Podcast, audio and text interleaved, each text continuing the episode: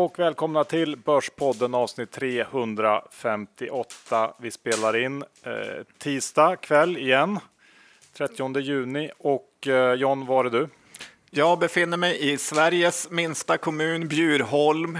Sitter i, ja, det kan säga att det är ganska så myggigt och ganska så regnigt. Men jag har gjort en liten brasa här så att jag är nöjd med det lilla. Ja, bra.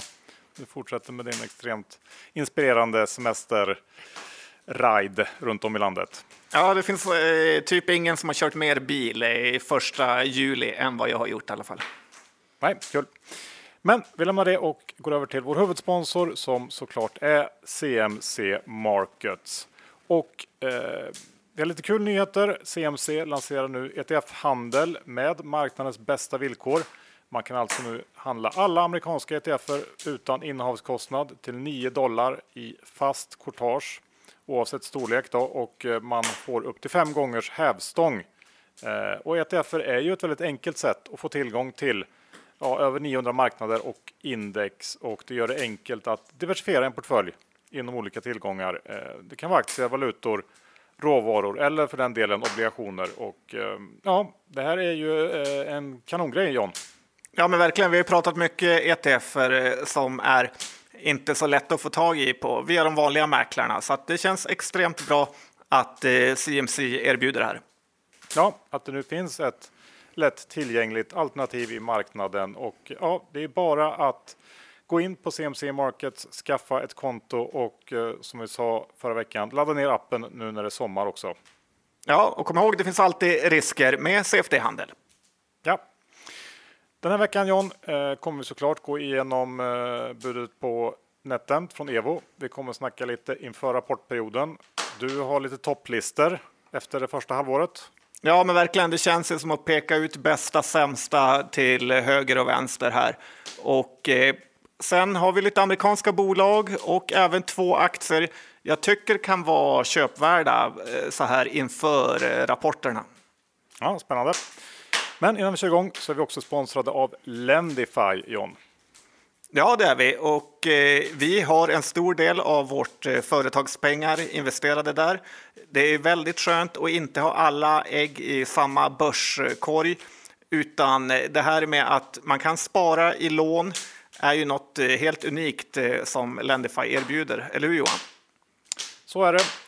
Vill man följa oss också bli en sparare på Lendify då är det ju bara att gå in på lendify.se Borspodden och starta upp ett eget sparande. Gör man det via den här länken och investerar minst 20 000 kronor, då får man 500 kronor extra insatta på sitt konto och eh, ja, det är en fin start på ett Lendify-sparande. Ja, verkligen. Vi har gjort det, gör det du med. Johan Dr. Bass Isaksson, det eh, stänger idag för eh, första halvåret 2020 och även Q2. Index stängde på som sagt 1664 och eh, ja, hur summerar du det här? Ja, det vet jag inte. Jag har inte summerat någonting än. Jag brukar inte göra det halvårsvis.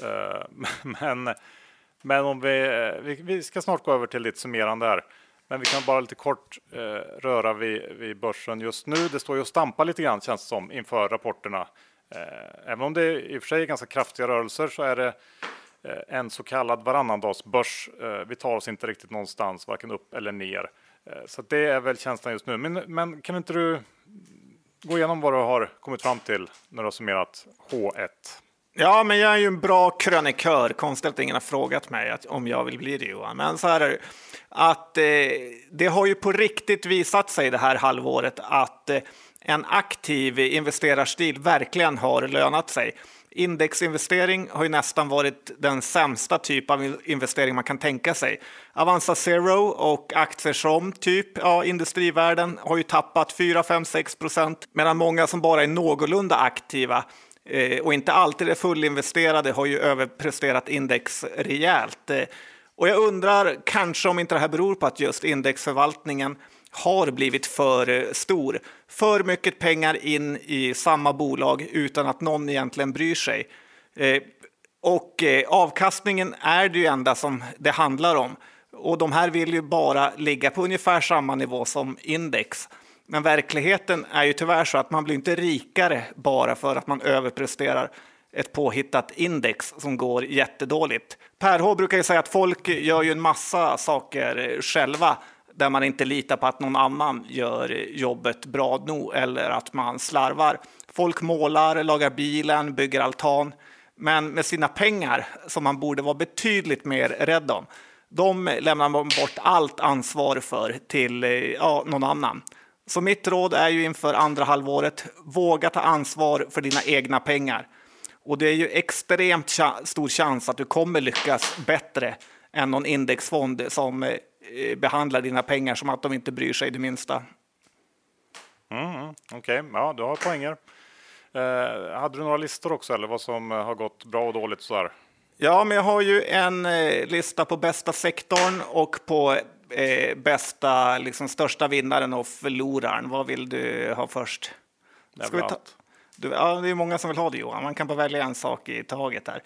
Men vi kan ju ta så här, den bästa sektorn under H1 och eh, då tänker jag generellt, eh, tycker jag ändå är eh, spelbolagen. Stenbeck har ju alltid sagt att eh, teknik vinner över politik. Och vi har ju sett hur trots politikerna och ESG-tanternas försök till att försöka förgöra den här sektorn eh, så är det faktiskt så att 80 90 procent av jordens spel sker offline och en sån här digitalisering kommer ju definitivt att eh, ske. Och jag vet att det är en extremt härlig känsla att gå på kasino. Eh, när jag var student Johan så åkte vi ett gäng, eh, ibland, ibland ett gäng in till Casino Cosmopol i Stockholm. Och det var ju en av de bästa känslorna någonsin när man klev in där. Men grejen är ju att man kommer inte att gå till sitt lokala ombud och lägga ett stryktips. Eh, och det gäller inte bara stryktipset utan alla sådana här typer av spel jorden över. Så att, eh, ja, jag tror verkligen att, eller jag tycker verkligen att spelsektorn har, är vinnare. Och sen om man ska ta den som är... håller, jag bara flika in där lite grann. Jag håller verkligen med dig där och um, det har ju såklart att göra med, med, med det som du är inne på, flytten från från fysiskt till online och att den har på något sätt snabbats på av det här. Eh, sen är det ju också generellt en ganska motståndskraftig bransch. Men samtidigt som, som det här har hänt så, så har ju också mm, eh, USA som marknad öppnat upp mycket snabbare än väntat och jag tror det har ju också drivit på eh, kanske utvecklingen på börsen en hel del för de, de bolag som har eh, lite, eh, lite intressen i landet. Ja, så är det ju. Och eh, om man ska plocka ut en eh, vinnare av det här så får vi väl ändå säga att vårt eh, låtsas hatbolag Evolution Gaming har ju visat eh, hur bra de har varit på att ligga just längst fram i den här teknikfronten med game shows, live casino med mera. Så att man får säga att de är best of the best of the best, eh, som de sa i Top Gun. Ja, så får man nog säga och eh, vi kommer ju prata mer om Evo och Nettan lite senare. Ja, ska vi ta eh, den sektorn som har varit allra sämst, Johan? Och eh, det har ju varit eh, vårdbolagen. Ambea, Attendo och man kan väl även klumpa ihop alla de här kommunala vårdbolagen som inte varit mycket bättre eh, de. Men de har ju verkligen svikit eh, allt eh, vad det heter med både aktieägare men även sina kunder, alltså de som ligger där. Och de är ju en stor del till att Sverige har den här dåliga statistiken och även fått det här dåliga ryktet i omvärlden. Fredrik Gren sålde sina aktier på Ambea i början av krisen eh, på toppnivåer och nu slutar han helt. Och sen har ju huvudägarna här väntat eh, lite grann och för typ en månad sedan gjorde de en eh, placing som har dödat den här aktien totalt och ja, visar väl på hur sugna de var på att komma ut. Jag är inte imponerad över det här och därför tycker jag vårdsektorn har varit första halvåret sämsta sektor 2020. Ja, tyvärr så måste jag säga att jag håller med dig. Jag hade gärna argumenterat emot, men nej.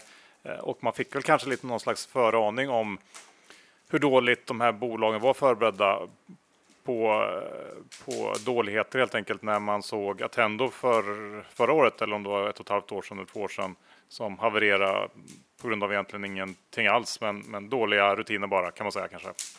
Ja, jag håller med. Det varit en rejäl eh, härva för Avanzas eh, gamla vd att städa upp det där. Och eh, även sedan han tillträdde har ju bolaget backat otroligt mycket. Ja, trist. Tror du att det finns någon, något hopp om bättring i sektorn? Nej, inte Nej, närmsta inte. tiden, men eh, ja, man, behöver inte ges, man behöver inte jaga de här turnaround-casen hela tiden. Nej, bra, då, då, lämnar vi det. Och vad har vi för största? Du skulle, hade du största vinnare och förlorare också? Ja, exakt. Och kan du gissa största losern 2020 på börsen, Johan? Jag tycker att det borde vara lätt och jag tycker att du borde kunna det. Uh, ja, vad har vi? Uh, vad har vi på loser? Ja, det är ganska, det är ganska mycket. Scandic finns väl där uppe. Uh, vad har vi mer? Ja, men det är helt rätt. Det är ju Roffe Lundström. han blev ju monsterfistad i Scandic och Sen på vad jag antar var hög belåning så får han ju kränga ut alla sina andra innehav i Betsson och NetEnt på absoluta bottennivåer. Och det kryddades väl lite ännu mer här nu när vi fick budet på NetEnt där han var eh, storägare.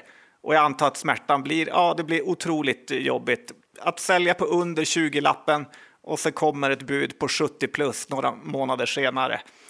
Jag måste säga att jag lider med honom, även om det inte är något barnhemsbarn i Rumänien. Men ändå, vi vet, vi vet ju hur det känns att bli förnedrad av börsen. Och eh, ja, återigen, som den käre Buffett brukar säga, belåning är ju roten till allt ont. Ja, men det ligger väl någonting i det helt enkelt. Och vinnare då? Jag trodde faktiskt först att du menade aktier största vinnare och förlorare, så jag var lite Därför jag sa Scandic. Men okej, nu är jag med på hur du tänker. Ja, nu tänker jag personer. Vad tänker du största vinnaren? Och, eh... Nej, men då tänker jag sådana här tech-snubbar. Eh, Daniel Ek, TIN Fonder, eh, dataspel. Jag vet inte. Data. Nej, men du tänker fel Johan, för att jag även här tänker jag annorlunda. Vinnaren här, det hade en kandidat som jag tänkt på, är ju Lotta Lyrå. Rattat ett retailbolag genom krisen på ett väldigt bra sätt. Men i och med att hon bytte till ett eh, ja, så pass dåligt jobb i mina ögon Eh, för jag tycker hon kanske inte var jättelångt ifrån toppjobb som ja, vd på H&M eller ja, kanske lite högt, men i alla fall något betydligt bättre än vd på Södra så kan hon tyvärr inte bli en vinnare. Utan vinnaren får istället bli marknaden. Ingen av alla jordens miljarder människor hade kunnat förutspå det här som har hänt. Och eh, då menar jag det som både hänt i verkligheten men också det som har hänt på de eh, finansiella marknaderna. För det visar hur omöjligt det är att eh, förutspå någonting överhuvudtaget. Och det enda man lär sig är att man varken ska tro på sig själv eller någon annan för mycket. Lite kan man tro på det, men inte för mycket. Ja, och det, bara det här med Lotta. Hade, hade det inte varit lite väl snällt att ge henne någon slags vinnarstämpel måste inte aktien gå upp i alla fall för det, eller? Jo, men du får ändå tänka på hur fruktansvärt många, eller dåligt många retailbolag har gått. Att det är lite som att betta med liksom handikapp på något sätt. Ja, men... Börja med minus 5-0 i baken. Ja, men jag tänker så här, det är lätt att vara vd på Amazon, då rullar det bara på. Det är, oh. det är tuffare att eh, kämpa på i liksom, de sämre ja, serierna. Ja, ja. Men hon fick Bra. det ändå inte, så du kan vara lugn. Nej, tack. Bra, men då eh, tänker jag att vi ska prata lite om elmarknaden i Sverige. Den du. Ja, men få höra. Nej, men där har det varit turbulent i sommar. Jag vet inte om du har, har läst om det här? Ja, jag har läst Johan. Ja, att vi har haft eh, väldigt låga priser eh, i norr där du är, drygt 10 öre per kilowattimme. Men i södra Sverige så har priset rusat upp till över 2 kronor som värst. Eh, och det är då helt enkelt effektbrist på grund av instabil vindkraft i söder och det motsatta tack vare den trygga vattenkraften i norr. Och däremellan så har vi något slags kraftnät som inte är tillräckligt eh, välinvesterat för att ordna upp den här obalansen.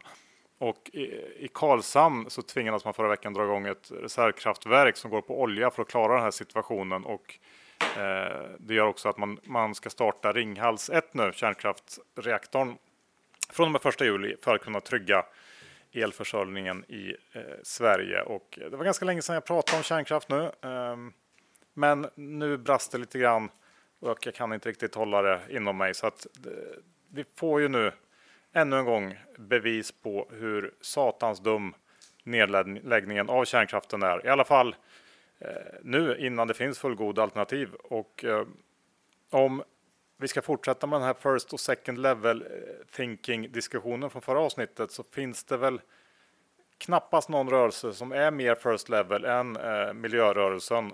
Man tvingar den relativt rena kärnkraften att stänga ner för att istället elda med olja och sen på köpet så får vi en situation med elbrist och eh, ja, allmän osäkerhet kring elförsörjningen i Sverige. Och den här kom, osäkerheten kommer att finnas kvar under en ganska lång period gissar jag. Um, ja, det, det, är helt enkelt så att man blir lite upprörd faktiskt. Och då har ja. vi inte ens liksom kommit in på den här plastpåseskatten och annat dumt. Men eh, det behöver vi kanske inte göra heller. Nej, men att men Systembolaget eh, plastpåse kostar 6 kronor, det är ju så sinnessjukt. Men det finns ju inget som gör en gladare än att hela svenska folket hatar Per Bolund. Och eh, ja, det är kul att folk kan rösta med fötterna.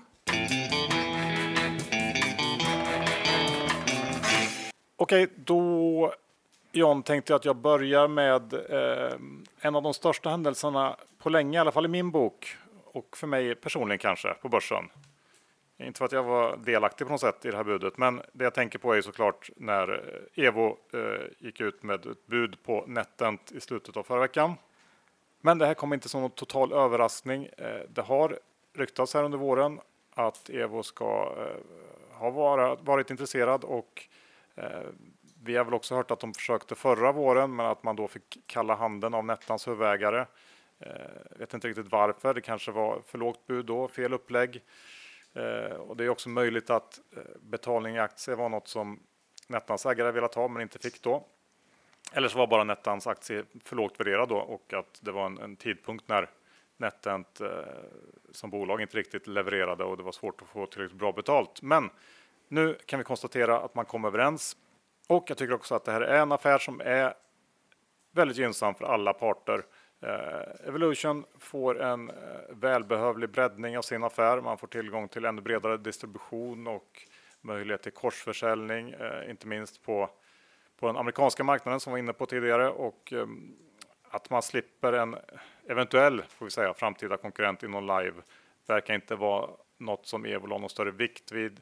Eh, jag lyssnade på konf efter att budet hade lagts och man vill ju verkligen trycka på att det var ingenting man funderar på. Men jag tänker ändå att det kan ju inte heller ha skadat att plocka bort eh, den biten. Sen så finns det uppenbara synergier på framförallt intäktssidan men även på kostnadssidan och jag tror också att den här nya kombinationen kommer att kunna göra ganska mycket intressanta grejer i något slags gränsland mellan live och slottar. Eh, Många verkar tycka att man betalar lite för dyrt för NetEnt eh, och det indikerar väl också aktien som gått alltså Evolutions aktie som gått ganska dåligt sedan beskedet kom. Men jag tror att det är fel sätt att se på det. Visst, det är högre multiplar än vad NetEnt handlats till under de sista åren, men det har också hänt en hel del de sista ja, sex, nio månaderna kanske man kan säga.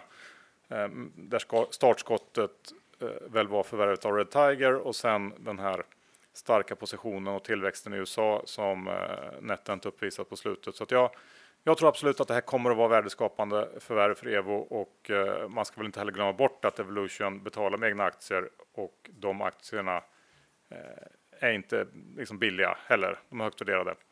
Och Nej, det snackades sen... väl lite om att eh, man eh, redan när budet på Red Tiger kom att att eh, Evolution Gaming också hade varit intresserade av det. Och nu får de ju både Nettan och Evolution via att köpa det med egna aktier som är högre värderade än vad Nettans är. Ja, precis. Och, och eh, jag vet inte, Evolution var Evolutions aktie upp i år 100 procent kanske. Så att, eh, ja. Men jag tycker också att, att Nettens storägare vill följa med på den här resan, vilket jag, jag tolkar det som att de vill när de, när de går med på det här. Det indikerar väl också att de tror ju på den här dealen och eh, ger en tumme upp. Så att ehm, Sen de här spekulationerna kring att den inte skulle bli godkänd på grund av någon typ av konkurrens, eh, några konkurrensskäl, det, det tror jag är högst osannolikt. Eh, det här kommer gå igenom tror jag. Ehm, och jag funderar också lite på det här med, eller jag tänkte nämna några ord om Netens VD Therese Hillman som väl i mina ögon är ganska rejält underskattad av marknaden. Hon har ju fått ganska mycket kritik.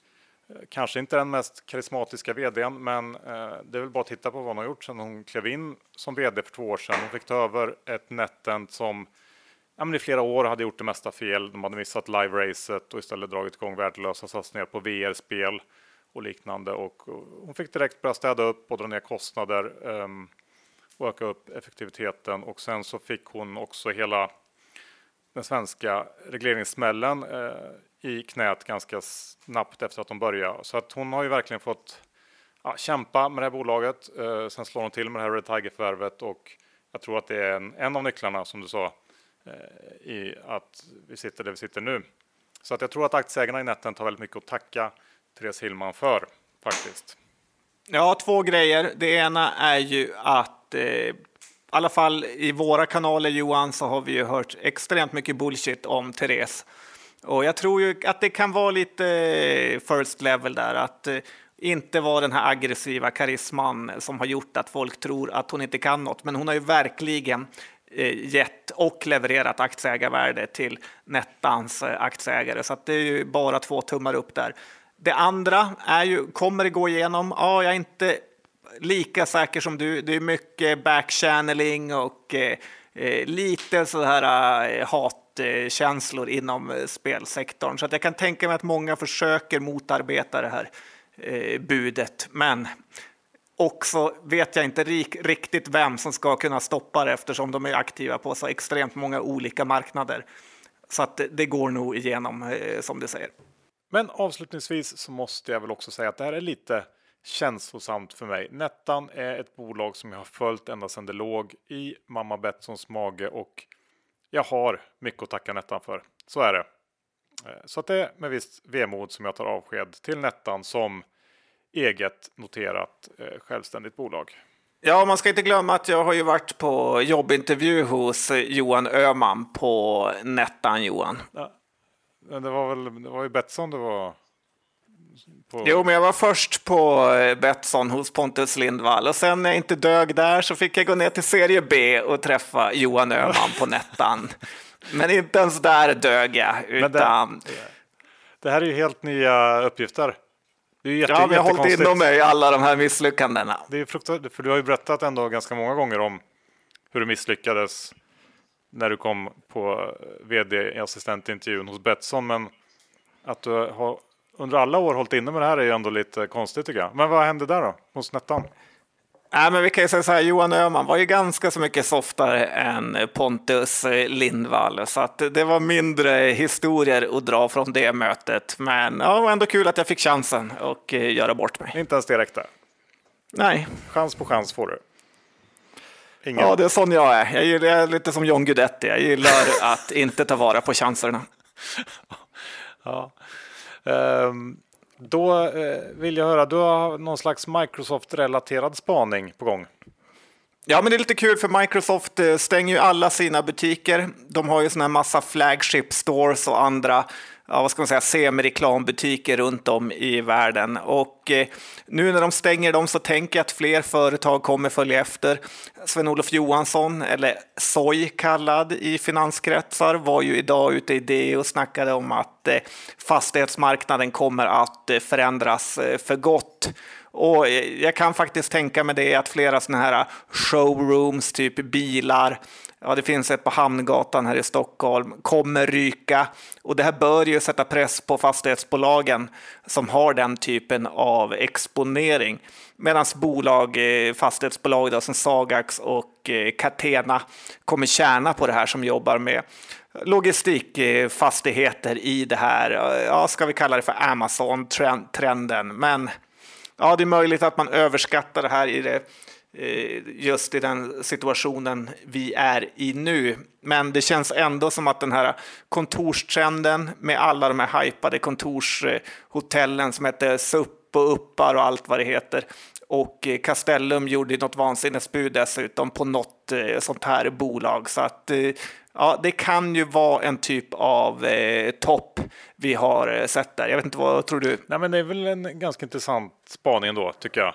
Eh, och jag köper väl att bolag kan börja se över vad de har för olika typer av lokaler och, och utrymmen. Det är klart att jag vet inte hur mycket värde alla de här showroomsen och ja, flagship stores och liknande ger egentligen och jag tror snarare att det kan vara eh, av den typen av rational som bolag lägger ner eller säger upp sådana här lokaler snarare än, än att vi ska ha förändrat så där jättemycket när, när, när röken lägger sig. Men, äh, ja, men det köper jag och jag tänker också att äh, den här sektorn har ju varit en sektor där i princip allt har gått rakt upp sista åren och att det nu nog, precis som du säger, kan bli betydligt viktigare att välja rätt bolag i den här eh, branschen. Ja, inga träd växer till himlen som någon smart person nej, sa. Nej, men uppe i himlen, vad finns där, John? Ja, det borde vara Boeing 800 Max, eh, men tyvärr är den ju inte där. Men de amerikanska luftfartsverket provflyger nu de här planen igen, stod det i media. Och eh, eh, jag kan tycka att de här problemen med just den flygplansmodellen inte borde vara så svåra att lösa. Jag vet inte om man har hängt med, men problemet med 800 Max-planen har ju varit att i ett visst läge de här gångerna då planet har kraschat så börjar nosen dra sig ned av sig själv och eh, det här har piloterna då inte kunnat upphäva om man inte ingen, har ingen kanon, genom... ingen kanonegenskap hos ett flygplan.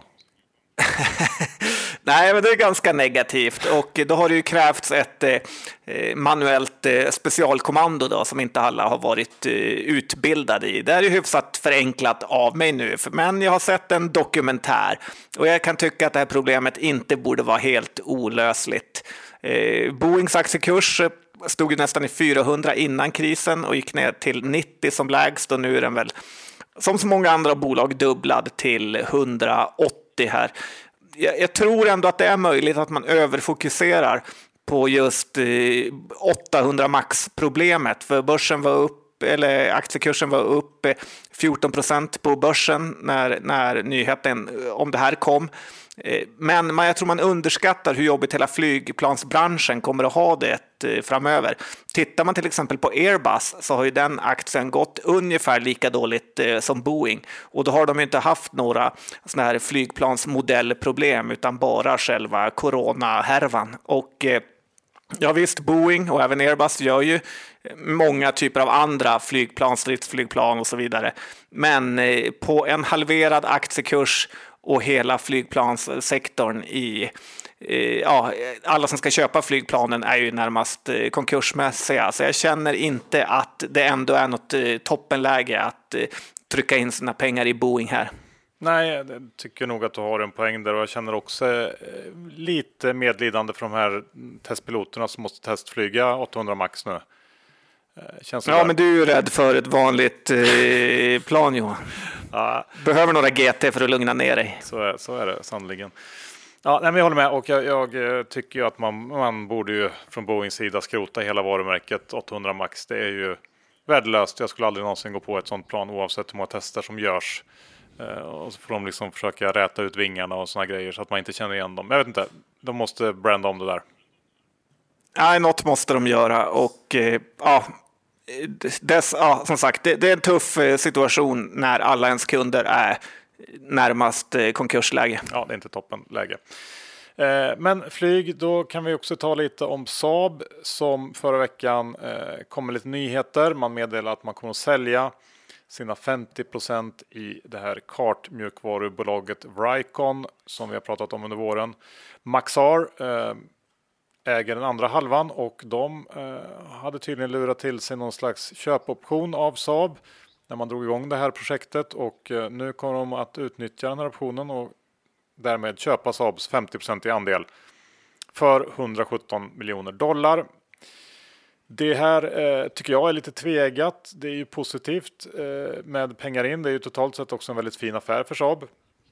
Eh, ger eh, också lite kassaflödeslugn kanske inför resten av året, vad vet jag. Men det trista är att värderingen, eh, som jag antar att man inte har kunnat göra så mycket åt, eh, utan att den var bestämd i det här optionsavtalet, eh, den är låg. Den här typen av teknikbolag är ju sjukt högt värderade nu och givet att Vricon gjorde en vinst på 230 miljoner förra året så är de här dryga 2 miljarderna i värdering som man säljer på. Det är väldigt lågt får man säga och Eh, lite trist ändå att man får slumpa bort det här innehavet. Eh, sen i övrigt så, så har jag också noterat att eh, flera analyshus har tagit ner förväntningarna inför Q2 en del. Eh, man skriver om förväntade kostnadsökningar relaterade till sälj och marknadsinsatser och eh, även lite andra eh, saker som bidrar till ja, lägre vinst helt enkelt under Q2 än väntat. Och eh, det är väl ingenting jag lägger jättestor vikt vid just nu. För eh, om man ska titta på något positivt också som hänt på slutet så är det väl att det, det, ser ut som att allt fler länder skyndar på försvarsupphandlingar och jag håller väl fast vid min tidigare tro att det kan komma någon slags positiv coronaeffekt för Saab och inte tvärtom som, som andra hävdar. Nej, men det är intressanta takes. Det känns lite som att det är typiskt eh, Saab att att lyckas bli avlurade det här bolaget för en eh, så extremt låg multipel som det ändå känns med kring P10. Eh, och sen analytikermassage på hög nivå. Jag eh, tycker att det är lite konstigt att du betvivlar att det kommer vara så här eftersom just om alla ändrar och sänker estimaten så är det förmodligen ja, det är ingen rök utan eld, utan Nej. Saab har varit ute och snackat med analytikerna. Nej, men jag, jag sa inte att jag betvivlar det. Det tror jag absolut. Jag tror precis som du säger att det är uppenbart att Saab har gått ut och guidat, masserat. Det jag däremot tror är ju att det kan komma en en eh, ökad eh, efterfrågan från diverse länders försvar. Eh, och det är väl kanske inte alla som tror, men det tror jag. Men jag håller med. Ja, men jag håller med dig, för att många, vi har ju ofta innan, Saab är starka på att ta order i slutet av året och ja, nu har vi passerat halvårsskiftet här. Så att ja, det, Saab har stora möjligheter att ta någon fin order här när länder vill göra av med budgeterna. Ja. Sen håller jag såklart helt med dig om den här att det känns lite typiskt Saab att slumpa bort det här bolaget. Och det är väl någon slags, jag vet inte, det skulle behövas lite mer affärsmannaskap i det här bolaget. Det är ju massor av duktiga tekniker och ingenjörer, men man kanske inte riktigt lika bra på att göra affärer och eh, ja, där kanske man borde ja, titta på att förändra någonting i eh, liksom kulturen på Saab för att få det att bli lyfta på riktigt. Men det är ju en helt annan fråga. Vi lämnar det och eh, nu vill jag höra om dina två inför rapportperioden späckmöjligheter. Ja, men ändå två aktier här som jag tycker känns lite billiga. Och eh, jag var handlade lite fiskedrag i den här klassiska fiskebutiken som ligger i Erlandsbro, som är då norr, norr om Härnösand. Har du varit där någon gång? Nej, det har jag inte. Om. Nej, eh, det är i alla fall en gigantisk butik där. Och, eh, men grejen är att han sa, killen som jobbar där, att de hade stora problem med att fylla på lagret Eh, på grund av den stora efterfrågan på fiskegrejer här. Och då tänkte jag att Rappala handlas på den finska börsen och det är ju en klassiker inom fiske. Alla har ju kastat bort ett Rappala-drag någon gång. Eh, Rappala har haft lite problem med sjunkande vinster de senaste åren och har ändå en hygglig eh, skuldsättning får man säga. Jag såg också att de tog bort sina prognoser i mars med tanke på det osäkra läget. Men det betyder ändå inte, tycker jag, att de inte skulle kunna överraska positivt. Och eh, tittar man på andra bolag inom den här sektorn, typ Dometic och Thule, Eh, alltså turist, inhemsk turistsektor, så har ju de gått riktigt bra.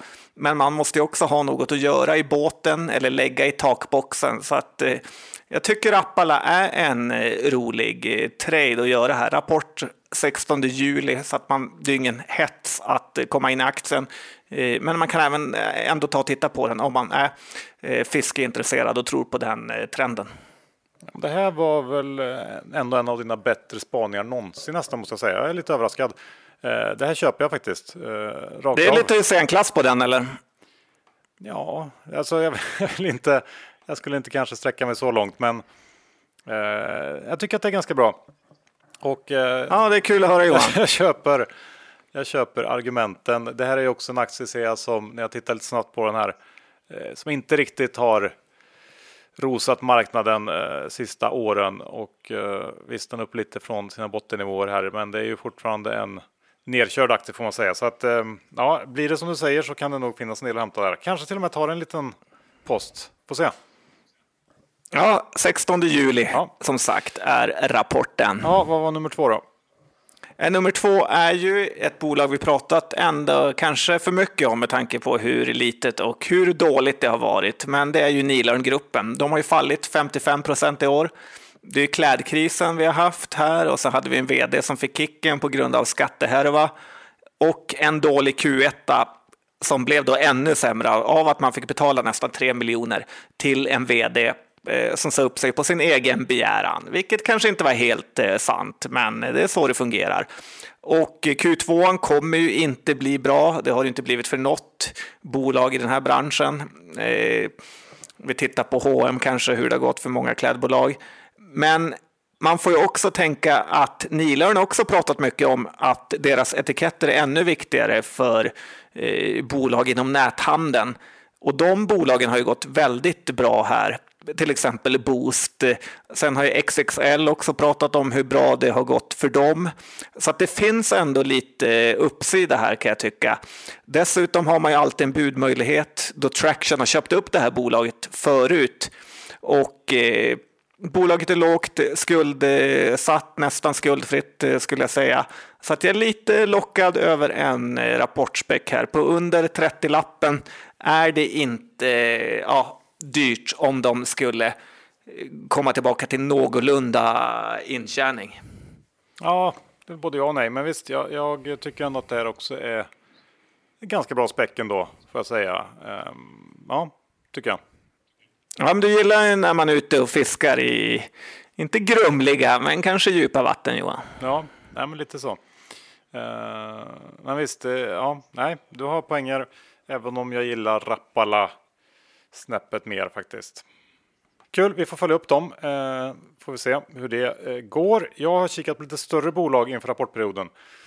Sandvik är ju större och eh, Sandvik rapporterar 16 juli. Här har vi en aktie som hämtat hem i princip hela raset och jag läste en intressant update från Goldman Sachs här i veckan. De har dragit upp sin estimat eh, en hel del faktiskt inför Q2 för eh, det har den senaste tiden kommit positiva signaler från flera gruvrelaterade bolag. Eh, gruvor har faktiskt hållit öppet i större utsträckning än väntat eh, här under våren och man menar också att effekten från kostnadsbesparingar kommer bli större än vad marknaden tror. Och det ska bli, tycker jag, extremt intressant att se vad de här stora verkstadsbloggen har att komma med i sina Q2. Det är ju inte alls omöjligt att det finns fortfarande någon slags uppsida i rapporter som är lite mindre dåliga än väntat trots att, att eh, många aktier i den här sektorn står väldigt högt och Sandvik skulle kunna vara ett sådant exempel men det är ju absolut ingenting jag tänker gå in och betta på inför rapport. Men eh, ja. Nej, men det är intressant hur alla bolag, Epiroc, Atlas och så vidare har hållit eh, sig så extremt bra. Vi hade ju ändå det här gruv coronautbrottet i Gällivare så att det ju, finns ju risker att man stänger ner hela gruvor. Å andra sidan var det kändes väldigt lokalt, men ja, jag är imponerad över optimismen hos marknaden till att eh, våga handla upp de här bolagen så högt. Ja, jag håller med om, men det kan ju också vara något slags tecken på att eh, det faktiskt går ganska okej okay för dem. Vi får se. Men, ja, det är, ingen, det är ingen guidning nedåt i alla fall. Nej, eh, men tittar man på en aktie som inte alls kommit tillbaks i den här sektorn så är ju det Electrolux. Eh, de rapporterar 17 på min födelsedag. Eh, kul. Ganska många bolag som rapporterar på min födelsedag. Vet inte om jag ska ta det som någon slags tecken eller något, men så är det. Nej, hur känns det att bli 50 Johan? eh, hur som helst. Electrolux är, eh, aktien är fortfarande ner över 30 procent år. Eh, så där eh, är ju inte riktigt samma optimism och allt pekar på att Q2 kommer att bli eh, riktigt tuff för Elux. Estimaten ligger på en rörelseförlust nära miljarden och eh, att man ska ha tappat organiskt över 20 procent av försäljningen och eh, samtidigt så har Electrolux ett lager som är alldeles för stort och det måste bantas så att det är en hel del problem och just nu är det väl latin och Nordamerika som, som är de stora liksom, problemhärdarna. Eh, eh, fokus i närtid tror jag kommer att ligga på hur bolaget kan kapa kostnader och, och det finns förväntningar på nya sparpaket i samband med rapporten. Och jag tror att det är någonstans där man ska fokusera eh, i Electrolux Q2. Eh, kan de övertyga med åtgärder för att förbättra lönsamheten då eh, finns det uppsida och ehm, ja, det är där man ska leta. Det är ingenting jag vågar betta på inför, men när väl rapporten kommer så skulle en, en eventuellt eller en, en, ganska säkert dålig Q2 kunna vägas upp av uh, lite sådana positiva besparingsåtgärder uh, tror jag. Nej, men Electrolux är ett bolag som inte eh, har behandlat aktieägarna särskilt bra genom åren och det vore på sin plats att de faktiskt börjar leverera lite shareholder value. Uh, ja, och i stort ser jag ingen större anledning till att eh, äga dem. Slut på avsnitt 358.